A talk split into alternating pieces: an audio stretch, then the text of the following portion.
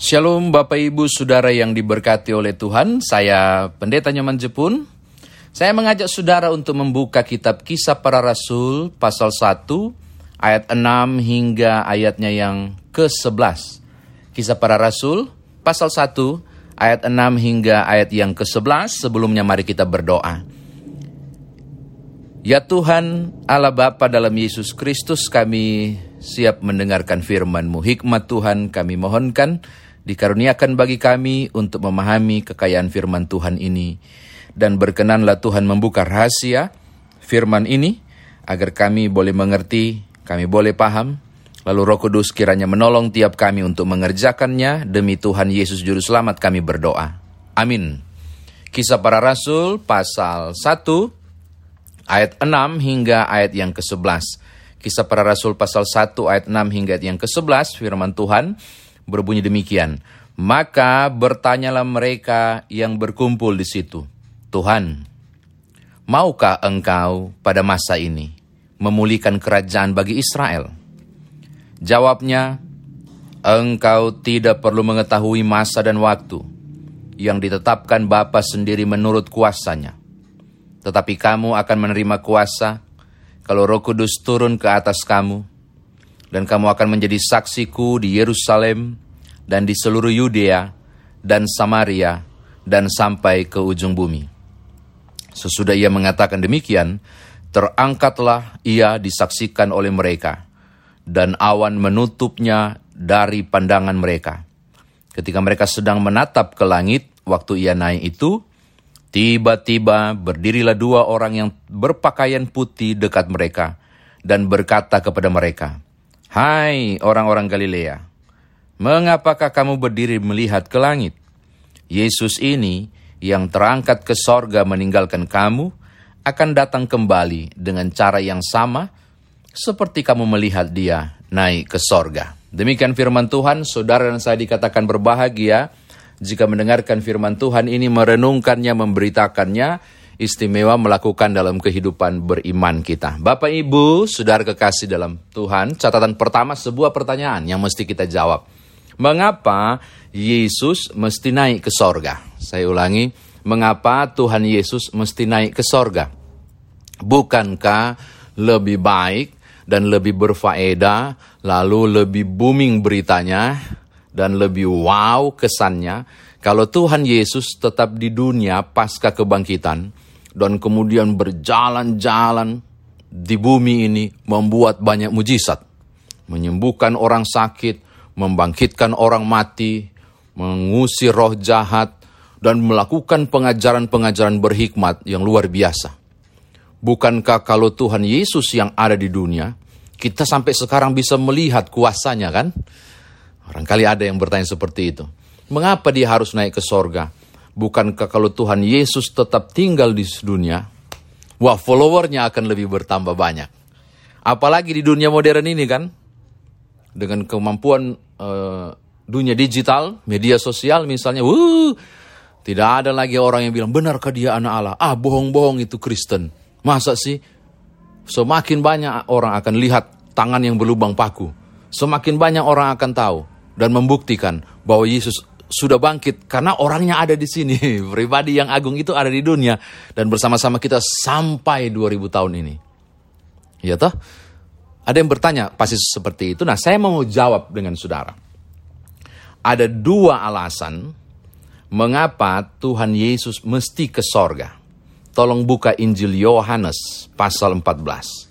Di Injil Yohanes pasal 14, saudara akan menemukan dua alasan yang cukup kuat. Mengapa Yesus harus naik ke sorga.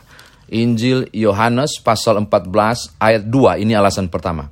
Mengapakah Yesus harus naik ke sorga? Yohanes pasal 14 ayat 2. Saya baca ya. Di rumah Bapakku banyak tempat tinggal. Jika tidak demikian, tentu aku mengatakannya kepadamu. Sebab aku pergi ke situ untuk menyiapkan tempat bagimu. Wih. Bapak Ibu, alasan pertama mengapa Yesus harus naik ke sorga.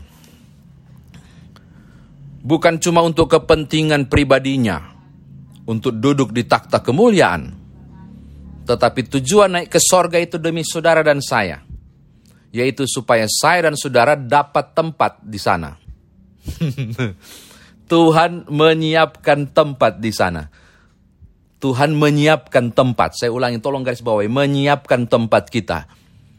Waktu dia jadi raja di atas segala raja, halik langit semesta, yang agung itu turun menghamba ke dunia selama 33 tahun, 3 tahun mengajar. Naik ke sorga, selain mengambil kembali haknya di takhta itu, tetap menghamba juga. Apa itu? Pergi ngatur semua, menyiapkan semua tempat, supaya saudara dan saya punya tempat. Saya membayangkan membangun rumahnya kali. Saya membayangkan hal-hal yang sederhana. Menyiapkan tempat tidur kali, meja makan kali. Atau apa pun kebutuhan kita di surga. Saya uh, hayalanku sesederhana itu. Tuhan bekerja di atas juga ternyata. Sampai hari ini. Supaya engkau dan aku ada tempat. Jika Tuhan Yesus tidak naik ke sorga. Hmm, tempatnya tidak disiapkan untuk kita. Tidak ada tempat karena tidak ada yang menyiapkan. Menarik ya? Hal kedua, mengapa Yesus harus naik ke sorga? Lihat Yohanes 14 ayat 16 dan 17. Masih lanjutan, Yohanes 14 ayat 16 17. Aku akan meminta kepada Bapa dan ia akan berikan kepadamu seorang penolong yang lain supaya ia menyertai kamu selama-lamanya yaitu roh kebenaran, dunia tidak dapat menerima dia sebab dunia tidak melihat dia dan tidak mengenal dia, tetapi kamu mengenal dia sebab ia menyertai kamu dan akan diam di dalam kamu. Yesus naik ke sorga juga untuk mengutus roh kudus supaya menyertai kita ke mana pun kita pergi. Iya. Kalau Yesus tidak naik di sorga, kalau Yesus tidak pergi ke sorga, roh kudus tidak pernah dicurahkan dan kalau roh kudus tidak dicurahkan, Petrus tidak akan berkhotbah pertama kali. Dan memenangkan banyak jiwa. Dan kalau roh kudus tidak ada, gereja tidak pernah lahir. Wah, saudara tangkap? Jadi ketika roh kudus, Yesus naik ke sorga, tujuan kedua adalah supaya roh kudus diutus. Dan bukankah lebih luar biasa ketika semua orang, yaitu gereja yang penuh roh kudus, bersaksi tentang Tuhan yang luar biasa, toh? Ke mana-mana. Seperti yang tadi saya hayalkan andai kata Yesus bisa ke mana-mana. Jadi kita mendapatkan dua alasan mengapa Yesus naik ke sorga, yaitu menyiapkan tempat bagi saya dan saudara, dan juga untuk mengutus roh kudus. Jika Yesus tidak naik ke sorga, peristiwa Pentakosta tidak akan terjadi. Oke, ini catatan pertama. Yang kedua, mari kita masuk ke dalam teks. Aduh, saya sudah bilang kemarin bahwa butuh tiga hari saja untuk mengalahkan alam maut, menghancurkan Lucifer, kuasa dosa tidak bekerja lagi, manusia diselamatkan, dunia diselamatkan. Cuma butuh tiga hari. Lalu cuma butuh tujuh hari untuk menciptakan langit dan bumi dan kemudian menguduskannya di hari ketujuh. Tapi butuh empat puluh hari untuk bersama-sama lagi dengan para murid dan melakukan pengajaran ulang, mem memarahin mereka juga yang nggak percaya berulang-ulang, menampakkan diri dan seterusnya. Butuh empat puluh hari loh Bayangkan butuh 40 hari untuk meyakinkan kedegilan. Dan ini terbukti. Kedegilan para murid masih ada. Lihat ayat yang ke-6, ayat yang ke-7.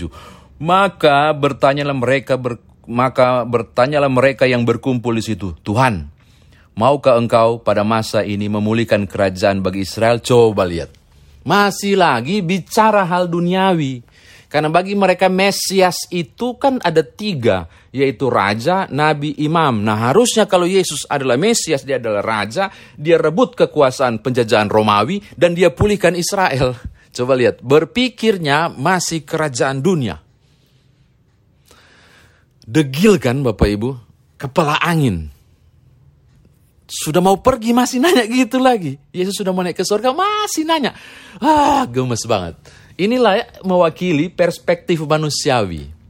Perspektif manusia, mewakili Bapak Ibu dan saya. Yang hanya berpikir satu langkah. Hal-hal yang duniawi saja yang mampu masuk logika. Dan ini yang ditanyakan juga oleh para murid. Kapan Israel dipulihkan dan? Kan kau sudah bangkit, sudah jadi raja toh? Coba pulihkanlah, enyahkanlah Romawi. Ya ampun, kepala angin. Sudahlah Bapak Ibu kita tinggalkan teks 6 ayat 6 sampai ayat yang ke-8 pasal 1 kisah Rasul. Sekarang saya tertarik, saya tertarik pada ayat 9 sampai ayat yang ke-11. Ketika Yesus mulai naik ke atas, maksudnya menaik ke langit dan kemudian menghilang, ditutupi awan, saudara mesti membayangkan sesuatu ini sebagai hal yang menakjubkan. Mengapa? Karena ternyata ayat 9 bilang, ia disaksikan oleh mereka dan awan menutupnya dari pandangan mereka. Apa orang mana bilang? Tanganga-nganga kali Bapak Ibu. Apa ya?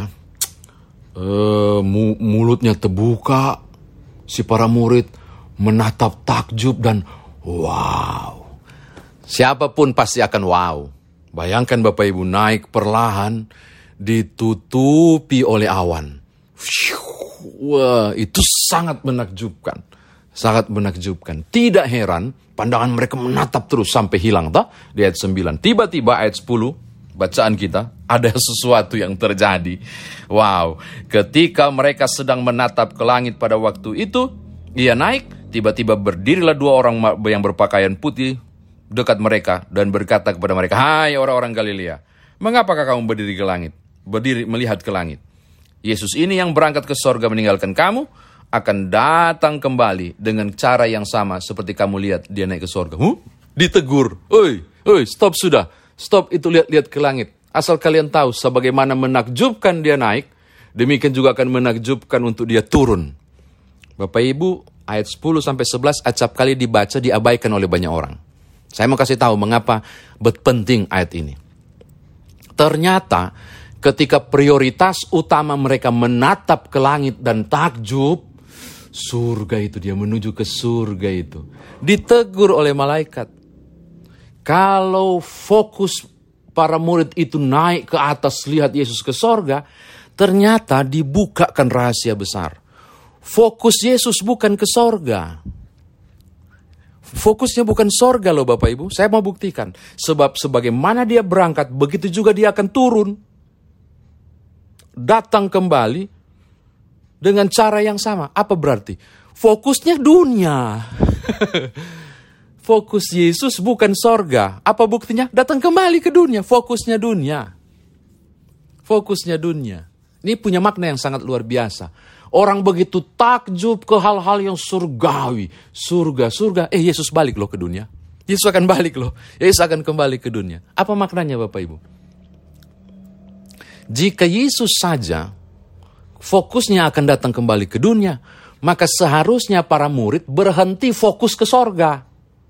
Tetapi fokuslah kembali ke dunia. Apa itu? Beritakanlah Injil. Kabarkan kabar baik ke dunia. Stop lihat-lihat ke langit itu nah. Yang di awan-awan itu. Belum waktunya. Fokus kalian harus kembali ke dunia. Lihat lagi. Karena dia akan datang lagi ke dunia. Jadi ini pesan yang sangat kuat ayat 10 sampai 11. Jangan bicara sorga-sorga dulu, sorga sudah pasti. Kita punya tempat di sorga. Yang belum pasti kasihan ini dunia ini. Buatlah dunia ini, buatlah dunia ini menjadi lebih bernilai di mata Sang Halik. Karena tugas para murid bekerja di dunia untuk buat kemuliaan Allah dinyatakan. Jangan orientasi sorga terus. Itu menarik loh, menarik, ditantang seperti itu. Saya kira demikian firman Tuhan ditafsirkan bagi kita. Nah sekarang bagaimana kita bawa dalam kehidupan beriman kita. Bersyukurlah Bapak Ibu. Kalau Yesus tidak naik ke sorga, saudara tidak punya roh kudus. Kalau Yesus tidak naik di sorga, kalau tidak Yesus tidak naik ke sorga, tempat tidak disediakan. Maka saya masuk pada catatan pertama untuk saudara dan saya bawa pulang. Perhatikan baik-baik. Di rumah Bapakku banyak tempat tinggal. Dan sudah disediakan. Yesus sedang menyiapkan hingga sekarang.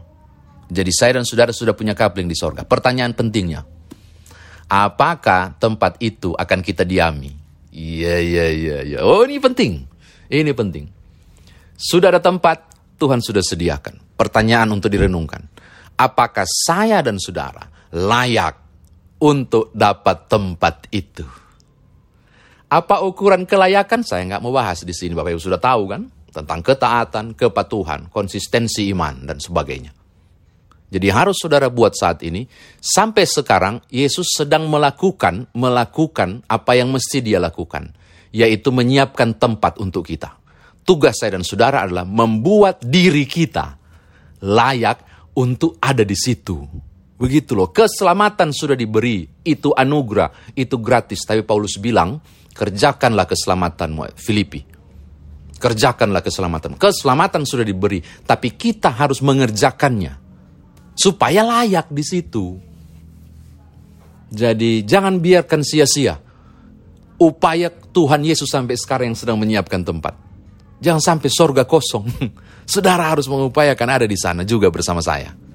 Kiranya Bapak Ibu, kiranya Bapak Ibu ya, kita jumpa di sana nanti. Haleluya. Harus yakin dong kita jumpa di sana yakin di sana nanti.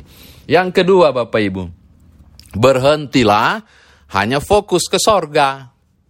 Sorga itu kepastian bagi saudara dan saya yang percaya. Persoalannya Tuhan Yesus akan datang kembali. Maka dunia ini harus disiapkan sebagai pijakan dia datang. Itu maksudnya. Berapa banyak jiwa yang kemudian dituai. Siapa yang mau tuai? Tuhanmu. Siapa pengerjanya? Saya dan Bapak Ibu. Jadi berhentilah cuma fokus di sorga. Bekerjalah tabur benih, siapkan segala sesuatu supaya tiba waktunya sang penuai datang. Yang empunya ladang ini datang. Dan ladang ini telah siap. Gitu Bapak Ibu. Kita diajak untuk fokus ke dunia. Surga sudah kepastian. Yang percaya sudah pasti ke surga. Fokus kita adalah berupaya, bekerja di dunia, memberitakan kabar baik, biar benih-benih ini tumbuh untuk dituai. Terakhir, uh, global warming. Mungkin bercanda menurut Bapak Ibu, tapi saya rada serius. Tapi kalau dunia ini hancur karena global warming, kalau dunia ini hancur karena sampah plastik, kalau dunia ini hancur oleh perang nuklir, lagi rame ya, Palestina dan Israel, kalau dunia ini hancur oleh keserakahan, di mana tempat pijakan kaki Tuhan Yesus yang mau turun kembali? Nah, ini aplikasi terakhir. Saya dan saudara, jangan cuma fokus di sorga. Saya dan saudara harus menyiapkan dunia ini. Menjaga supaya bumi ini tetap ada. Menjaga supaya bumi ini tetap utuh. Menjadi pijakan Tuhan ketika turun nanti menghakimi orang hidup dan yang mati menjaga, minimalisir sampah-sampah plastik barangkali. Aduh, ya luar biasa. Siapkanlah dunia. Siapa yang menyiapkannya? Saya dan saudara sebagai murid Tuhan. Supaya ketika dia datang kembali, dia mendapati bahwa waktu penuaian banyak tuayan yang akan dibawa gandum-gandum ini menuju ke rumah Bapa yang telah ia siapkan. Tuhan berkati Bapak Ibu Saudara. Haleluya. Amin.